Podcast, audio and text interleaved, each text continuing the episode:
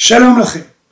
בימי המצרים קוראים הפטרות שהן הפטרות של חורבן וביקורת. תלתא דפורענותא, שלוש הפורענויות. אנחנו קוראים נבואות מירמיהו וישעיהו שיש להם ביקורת על עם ישראל ועל היושבים בירושלים. זה, זאת התקופה, זה הזמן להתעורר, להקשיב רגע לביקורת, להבין איך התרחש החורבן ההוא שהוביל לתשעה באב ובעצם מה המשמעות כשאני קורא את הנבואות מה אני אמור לתקן בחיי. הנבואות יש בהן פסימיות או הייתי אומר אמירות קשות ונוקבות אבל אני ארגיע אתכם שאחרי זה יבואו נבואות שבעה דנחמתה שבע נבואות של נחמה שהם יבואו בזמן הבא. הרעיון הזה שהזמן מכתיב את ההפטרה משחרר אותנו מרעיון אחר שההפטרה קשורה לפרשה והנה אנחנו נמצאים בתוך עולם ההפטרות נעים בין הזמן זמן הפרשות לבין הזמן הזמן של המועדים וההקשר של החורבן שאנחנו נכנסים אליו. ההפטרה הראשונה בתלתא דפורענותא היא נבואת ההקדשה של ירמיהו, נבואה ארוכה שגם גולשת אל פרק ב' במעשה ההפטרה, נתייחס לעיקרי הדברים, לא נוכל להתייחס לכולם. ירמיהו מנבא עשרות שנים, הוא מתחיל כנער כמו שכתוב בהפטרה שלנו, הוא מתחיל בשנת 627 לפני הספירה מימי המלך יאשיהו, הוא מסיים אחרי החורבן כשנרצח גדליה בן אחיקם והם יורדים אל מצרים ויש לו גם נבואות במצרים עצמה. אנחנו לא יודעים בדיוק מתי הוא סיים אבל זה ברור שהוא סיים כמה שנים אחרי חורבן בית המקדש. והנה יש לנו נביא שמלווה את כל התהליך מימי יאשיהו שהיה צדיק, דרך ימי יהויקים שהיה רשע גמור, ועד לימי צדקיהו שהיום אפשר לומר עליו קומסי קומסה.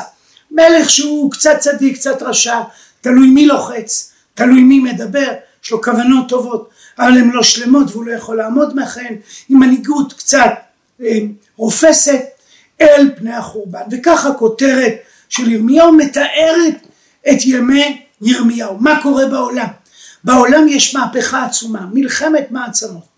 אשור ומצרים מגייסות כוחות, מגייסים כוחות כדי להיאבק באימפריה החדשה העולה, היא האימפריה הבבלית. אשור ומצרים, שעד לא לפני זמן רב היו יריבות קשות, מזהות שיש אויב שלישי חדש, צעיר, דינמי, אנרגטי, ולכן הן מנסות לבלום אותו בשני קרבות עצומים, בראשון הן משיגות תיקו, קו קרקמיש הראשון, ובשני הן כבר קורסות אל מול בבל. בשנת 627 העסק מתחיל בדיוק השנה שירמיהו מתחיל לנבא והתהליך הזה אורך זמן רב בשנת 612 ננבה נופלת ובשנת 605 הסיפור נגמר ממלכה חדשה בעולם ממלכת בבל. אל תוך התמונה הזו נכנס ירמיהו בפרק ההקדשה. וידבר אדוני אלי לאמור בטרם אצורך בבטן ובטן ידעתיך ובטרם תראה תצא מרחם מקדשתיך נביא לגויים נתתיך. הפסוק הזה שכולנו מורגלים בו הוא פסוק שהוא חריג מאוד בעולם הנבואה בשני מובנים. המובן הראשון היא ההגדרה נביא לגויים נתתיך. אנחנו לא מוצאים בספרות הנבואה למעט פעם אחת בהיגד קצת דומה אבל שונה אצל הנביא המנחם בישעיהו מ' ואילך ההגדרה נביא לגויים זה נכון נביאים דיברו על גויים וגם לגויים. אלישע מגיע לארם הוא מנבא על, על מותו של בן הדד כניסתו של חזנאל חזאל להיות מלך ארם יונה מנבא ננבה אנחנו מכירים נבואות על הגויים. כל הנביאים הגדולים שהיהו ירמיהו יחזקאל גם בעמוס יש נבואות על הגויים. אבל ההגדרה נביא לגויים נתתיך שכביכול הגדרת התפקיד שלו את זה אנחנו לא מכירים. צריך גם לזכור שרוב נבואות ירמיהו שלפנינו הן נבואות לעם ישראל וממילא הפסוק הזה דורש הסבר אבל גם החלק השני של הפסוק שאומר בבטן בטרם אצורך בבטן ידעתיך ובטרם תצא מרחם מקדשתיך הדבר הזה מתאים לכהונה ולא כל כך לנבואה. נביא בדרך כלל נבחר באמצע חייו, כשהוא עסוק בענייניו. קחו למשל את עמוס, בולה שקמים בגת. הנבואה היא לא משהו בדרך כלל שמתואר כרגע הלידה, מרגע הלידה, ופה זה אפילו עוד יותר, עוד מרגע ההוריה שלו. אנחנו מכירים את זה על נזירות עולם, כמו שמשון, אולי אפילו על שמואל, אבל על נביא זה קצת מוזר בכלל, נבואה היא לא, לא קשורה לתולדה, אתה לא נולד להיות נביא ואתה גם לא מעביר את הנבואה לבנך בכורך אחריך. אז מה קורה פה בספר ירמיהו? מה הייחוד הזה שבסיפור ההקדשה של ירמיהו? נדמה לי שהרקע שנתתי משמש הסבר לתמונה כולה. וגם בהמשך יהיה כתוב ראה יפקתיך היום הזה על הגויים ועל הממלכות לנטוש ולנטוץ ולהביד ולהרוס לבנות ולנטוע. אנחנו בורג קטן בתוך מערכה עצומה. שבו על זה רגע, אנחנו הפרוזדור בין החדרים הגדולים, מצרים מדרום, אשור מצפון ובבל מצפון מזרח. ממלכת ישראל היא ממלכה, ממלכת יהודה היא ממלכה קטנה, חסרת כוח, חסרת משמעות. בעולם מונותואיסטי, בעולם שאנחנו מאמינים שיש אל אחד שמנהל את כל העולם, שהקדוש ברוך הוא מנהל את כל המערכות. האדם היהודי היהודאי אומר אבל מה זה קשור? אנחנו חסרי השפעה חסרי משמעות. מה המשמעות התיאולוגית שמרדוך הבבלי נאבק באל מצרי? איפה אנחנו? איפה עם ישראל? איפה יהודה? איפה הקדוש ברוך הוא בתוך הסיפור? פרק א' בירמיהו אומר אנחנו הסיפור. נכון במובנים אולי של אה, כוחות חיילים ופוליטיקה עולמית לכאורה אין לנו משמעות. אבל הקדוש ברוך הוא מנהל את ההיסטוריה.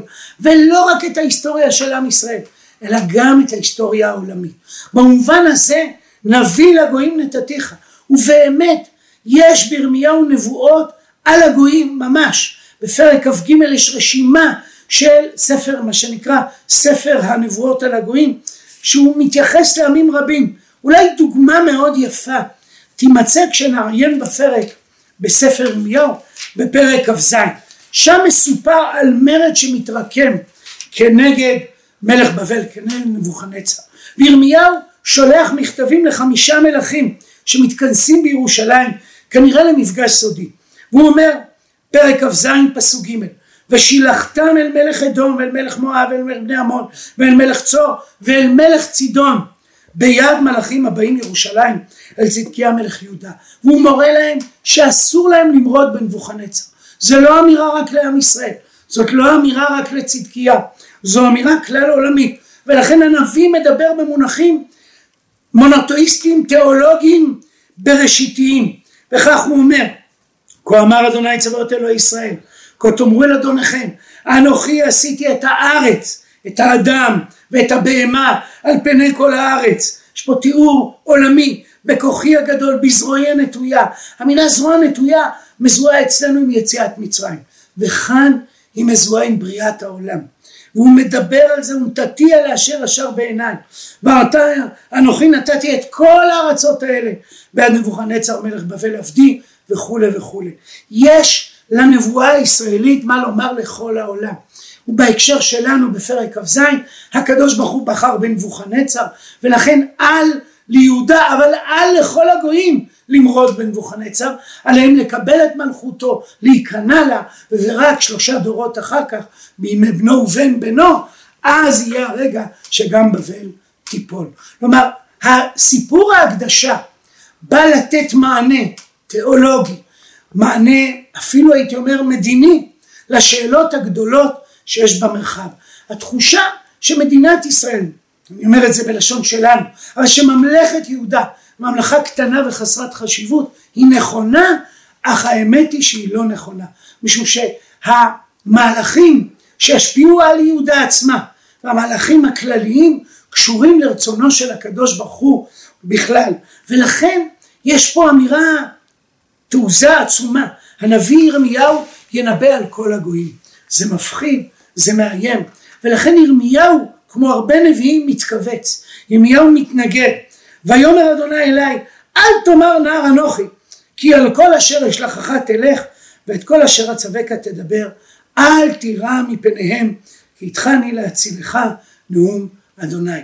יש פה פער מעניין בין דברי ירמיהו לבין תשובת השם. כשהקדוש ברוך הוא מדבר על ירמיהו הוא אומר משהו קצת שונה ממה שירמיהו אמר. ויאמר אדוני אליי אל תאמר נער אנוכי. ירמיהו אומר אני נער ואני חושב שהפירוש הוא אני לא יודע לדבר עם מלכים אין לי כריזמה אני לא יודע לנאום נאומים מוצלחים אגב אברבנאל לקח את זה מאוד ברצינות וראה בנאומי ירמיהו דרגה פחותה מנאומי, מנאומי ישעיהו למשל. האמירה פה אל תגיד שאתה נער אני איתך אתה מדבר בשמי אני אצוק את מילות הנבואה בפיך. אבל שימו לב מה הקדוש ברוך הוא אומר אל תירא מפניהם כי איתך אני להצילך. זה לא מה שירמיהו אמר ירמיהו אמר נער אנוכי.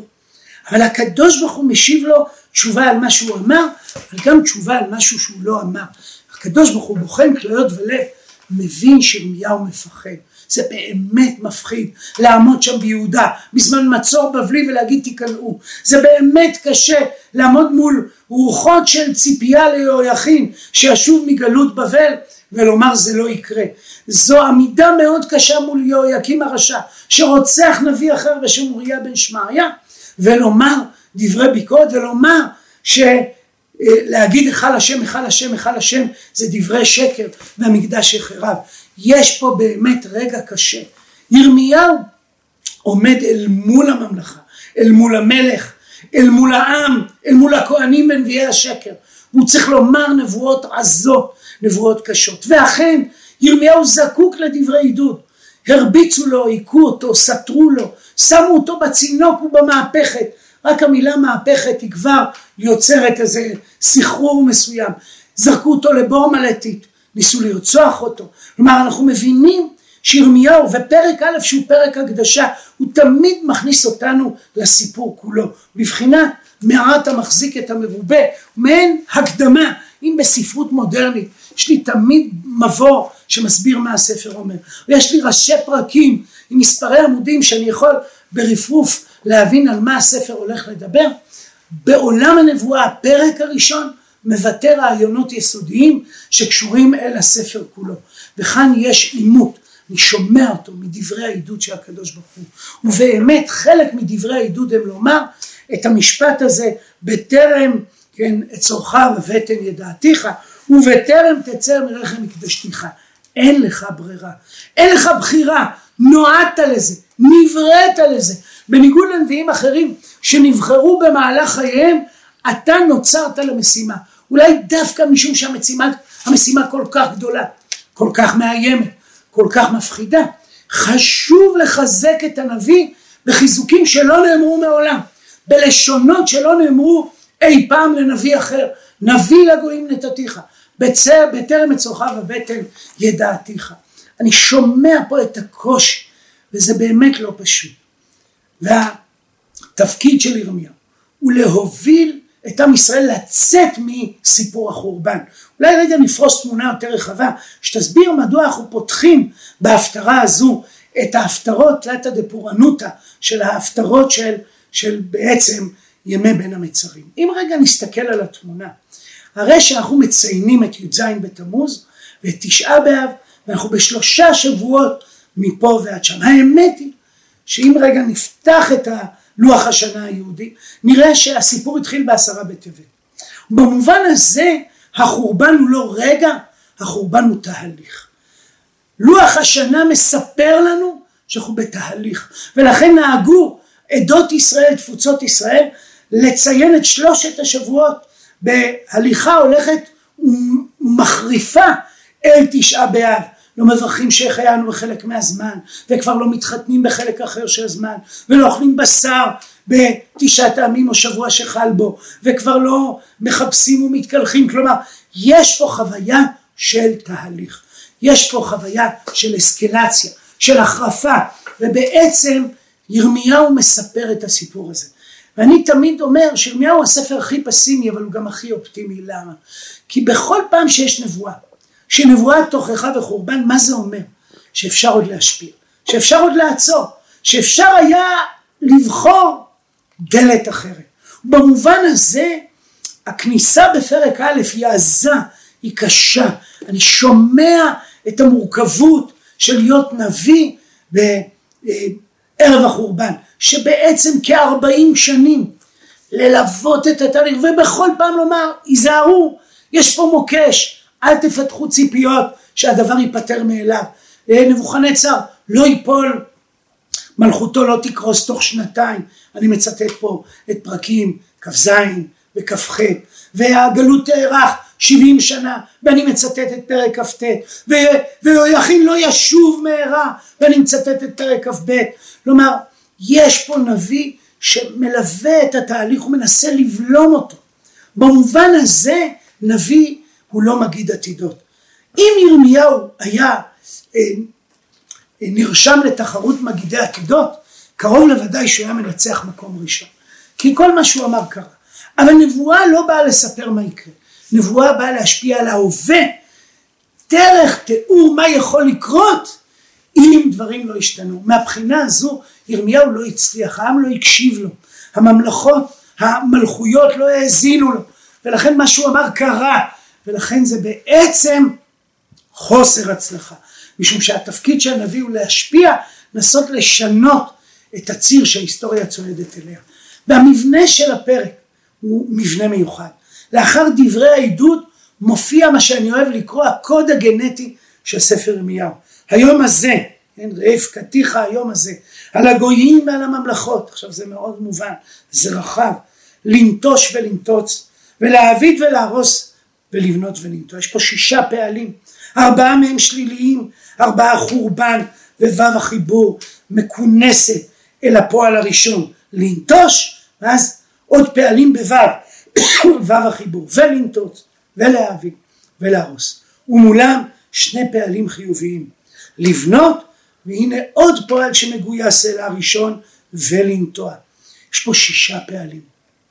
מספרים את הסיפור של ספר ירמיהו רוב נבואותיו של ירמיהו יהיה פורענות. לכן ארבעה פעלים של חורבן.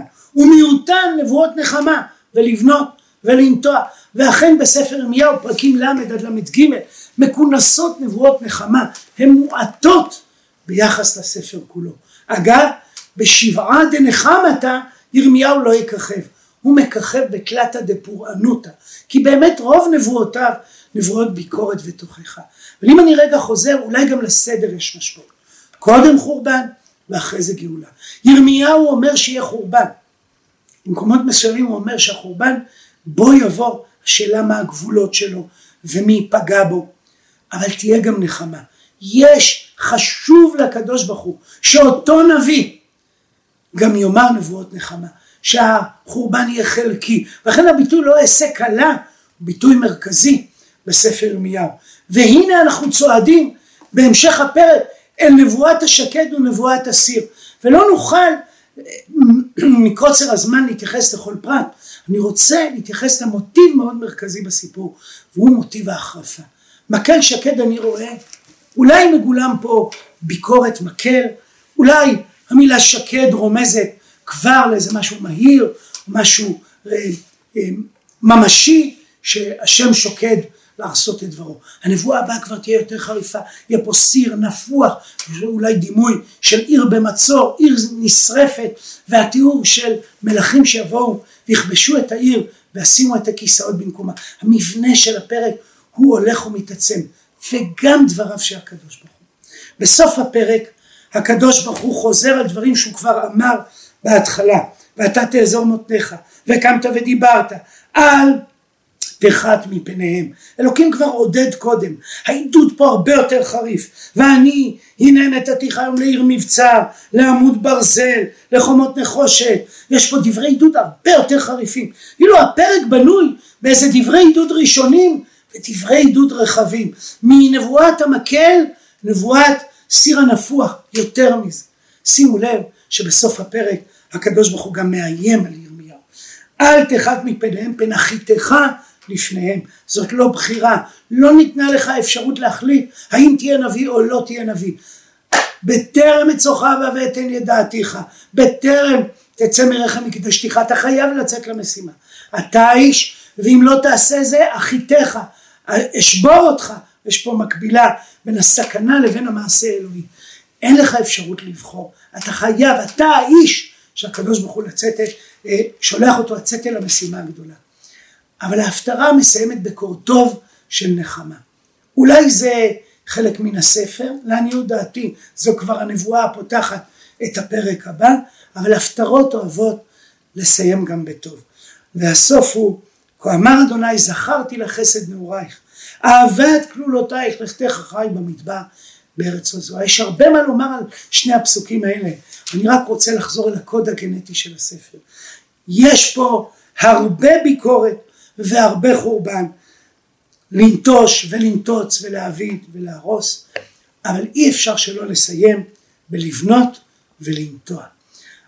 יש אפשרות, זה המסר של הנבואה.